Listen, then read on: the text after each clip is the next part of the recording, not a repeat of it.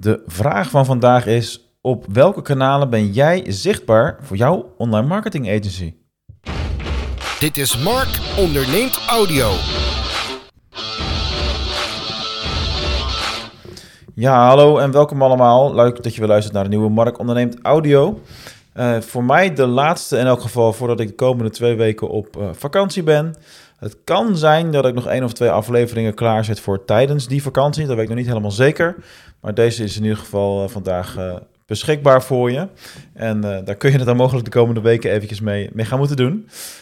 Voor de rest publiceer ik nog wel door op LinkedIn. Kan er af en toe een e-mail vanuit de mailinglijst verschijnen. Maar hè, er is niet voor niks ook zoiets als vakantie. Dus daar gaan we ook van genieten. Um, ja, voor nu wil ik eigenlijk vooral even ingaan zoomen op het uh, zichtbaar zijn voor jouw klanten en waar je dat dan uh, bent. Uh, omdat dat iets is voor een agency wat specifiek is. En ook iets waar je over na moet denken en waar je ook een bewuste positie voor moet, moet innemen. Zo merk ik bijvoorbeeld dat sinds ik een aantal maanden geleden mijn programma heb geshift en dus ook mijn doelgroep heb veranderd. En in een eerdere podcast praat ik over het aanpassen van de wie van mijn programma. Dus niet meer die e-commerce ondernemers, maar dus die online marketing agency eigenaren, die hopelijk nu ook allemaal naar die podcast luisteren, zoals jij. En um, dat betekent dat mijn, mijn doelgroep is veranderd. Dat betekent dus ook dat voor mij in essentie is veranderd waar ik mijn communicatie uh, moet hebben lopen. En waar mijn publiek aanwezig is. Nou, dat is voor een gedeelte waar natuurlijk, hè, nooit helemaal. Dus in het verleden deed ik ook al podcasting en waren er ook luisteraars en dat is nu nog steeds zo. Dus dat is op zich nog wel hetzelfde gebleven. Dus daar is meer de boodschap achter het verhaal uh, veranderd. Um, en op LinkedIn is het zo dat ik ook al wel aanwezig was. Alleen nu is het echt double down. Dus um, mijn publiek zit voor een heel groot gedeelte heel actief op LinkedIn. Dus ben ik dat ook en ben ik daar heel erg vaak te vinden. Um, in de niet-zomerperiode, zeg maar, wanneer de meeste mensen aan het werk zijn, dan post ik bijna elke dag. Nu twee, misschien soms drie keer per week. En um, daar, daarbuiten doe ik dan ook nog outreach en uh, connecties aangaan en dat soort dingen allemaal op LinkedIn. Dus LinkedIn is voor mij nu een van de belangrijkste kanalen met de doelgroep die ik hier heb. Iets anders wat ik ook weer heel bewust heb opgepakt sinds kort, dat is het opzoeken van de vakmedia. En dat zijn eigenlijk de media waar ik uh, de laatste paar jaar een beetje van ben weggebleven. Ik heb wel heel af en toe iets geschreven voor een vakblad, zeg maar. Alleen niet zo extreem actief, omdat mijn doelgroep daar op dat moment niet uh, aanwezig was. Althans, dat was dus niet mijn doelgroep, de mensen die daar aanwezig waren. Ja, en dat is natuurlijk veranderd. Zo is er afgelopen maandag, voor het eerst sinds een jaar of zo, weer eens een artikel van mij verschenen op frankwatching.com. Ja, dat is natuurlijk een van de toonaangevende media. Uh, voor uh, ja, online marketing, uh, mensen en bedrijven en eigenaren, noem het allemaal maar op. Dus dat is voor mij nu een hele logische plek om weer content op te publiceren. Ja, als je weet hoe dat gaat, als je content kwalitatief goed is, dan wordt het ook wel geplaatst daar. het is in ieder geval mijn ervaring tot nu toe. Ik kan niet voor anderen spreken natuurlijk. En hetzelfde geldt voor posts op platformen als een e-mails, een marketing facts. Dat ga ik de komende tijd ook weer uh, vaker proberen voor elkaar te krijgen, zeg maar. Dus dat is een enorme verplaatsing die heeft, uh, heeft plaatsgevonden. En dat is logisch, want uh, ja, mijn doelgroep voor de coaching, trajecten en mentorschappen, die zit nu eenmaal daar. Nou, dat is allemaal heel logisch aan mijn kant. Maar voor jullie is het natuurlijk veel interessanter om in deze podcast te horen over waar moet je nou zichtbaar zijn als online marketing agency.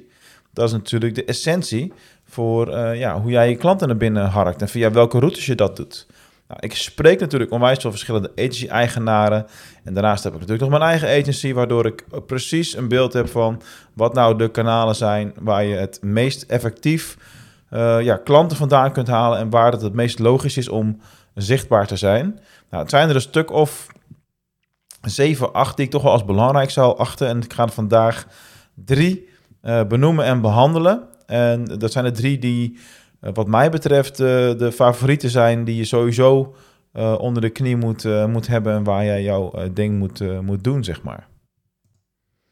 De eerste van die drie kanalen is misschien wel de meest voorspelbare, namelijk de relevante sociale media. En welke media daarbij het meest relevant zijn, hangt er vanaf wat jij biedt als agency. En uh, laten we eerst eventjes inzoomen op de twee kanalen die ik sowieso voor elke agency zou, uh, zou aanraden. En dat is punt 1, zeg maar. Dat zijn LinkedIn en Instagram. zeker als je B2B bedrijven als, als klant hebt, dan moet je op, op LinkedIn actief zijn.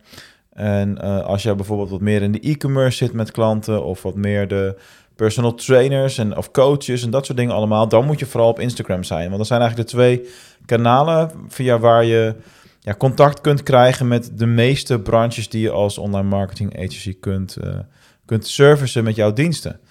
Um, als ik het dan even specifiek over LinkedIn heb, dan zou ik ook zeggen, niet alleen aanwezigheid vanuit het bedrijfsprofiel, maar juist ook van, vanuit de persoonlijke profielen uh, van de eigenaren of de salesmensen of een combinatie daarvan.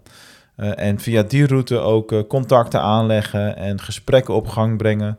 Reageren op content. Nou, je kent het allemaal wel natuurlijk als online marketeer. Hoef ik jou dat als het goed is niet echt uit te leggen. Dus dat is één. Zichtbaarheid via een LinkedIn en Instagram. En het belangrijk daarbij, wat mij betreft, is dat je daar ook actieve outreach in doet. Want jouw klanten zijn niet altijd actief. Dus stel dat jij zegt van nou wij uh, doen online marketing voor tandartsen. Nou, dan kun je wel alle tandartskantoor-eigenaren opzoeken op LinkedIn.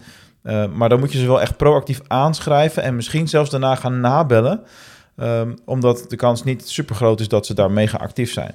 Maar ja, mailen mag al helemaal niet meer tegenwoordig. Dus dat is een. Uh, ja, bij bellen heb je natuurlijk hetzelfde probleem. Maar je moet in ieder geval een opvolgactie uh, moet je daar klaar voor hebben staan.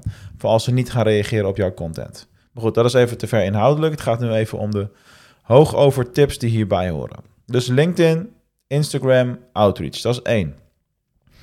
Het tweede is, en dat is al niet altijd, uh, niet iedereen zal het even leuk vinden trouwens, is lokale marketing en fysiek netwerken.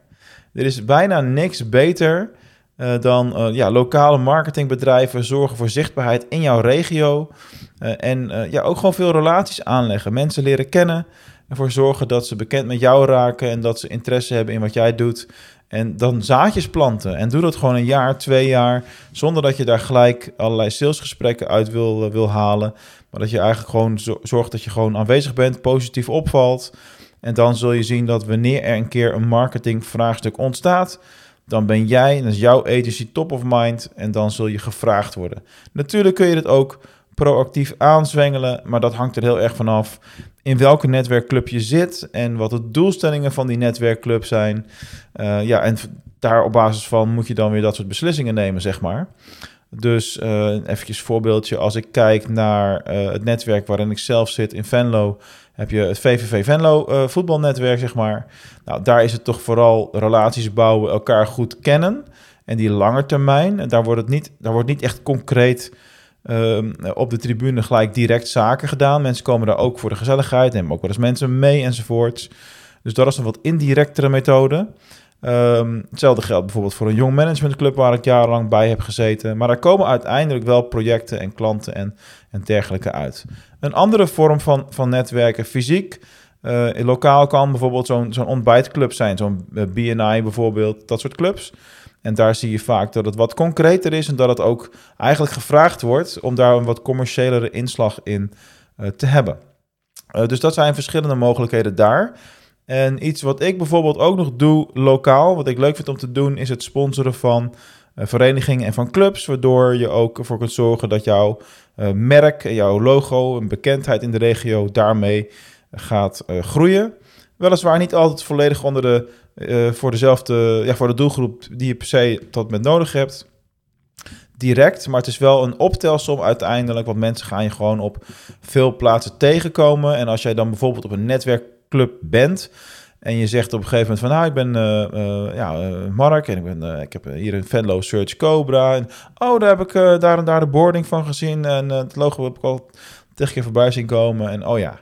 En dan is veel sneller dat oh ja moment daar, waardoor je veel sneller vertrouwen hebt opgebouwd en waardoor je ook veel sneller een concreet gesprek met iemand kunt hebben.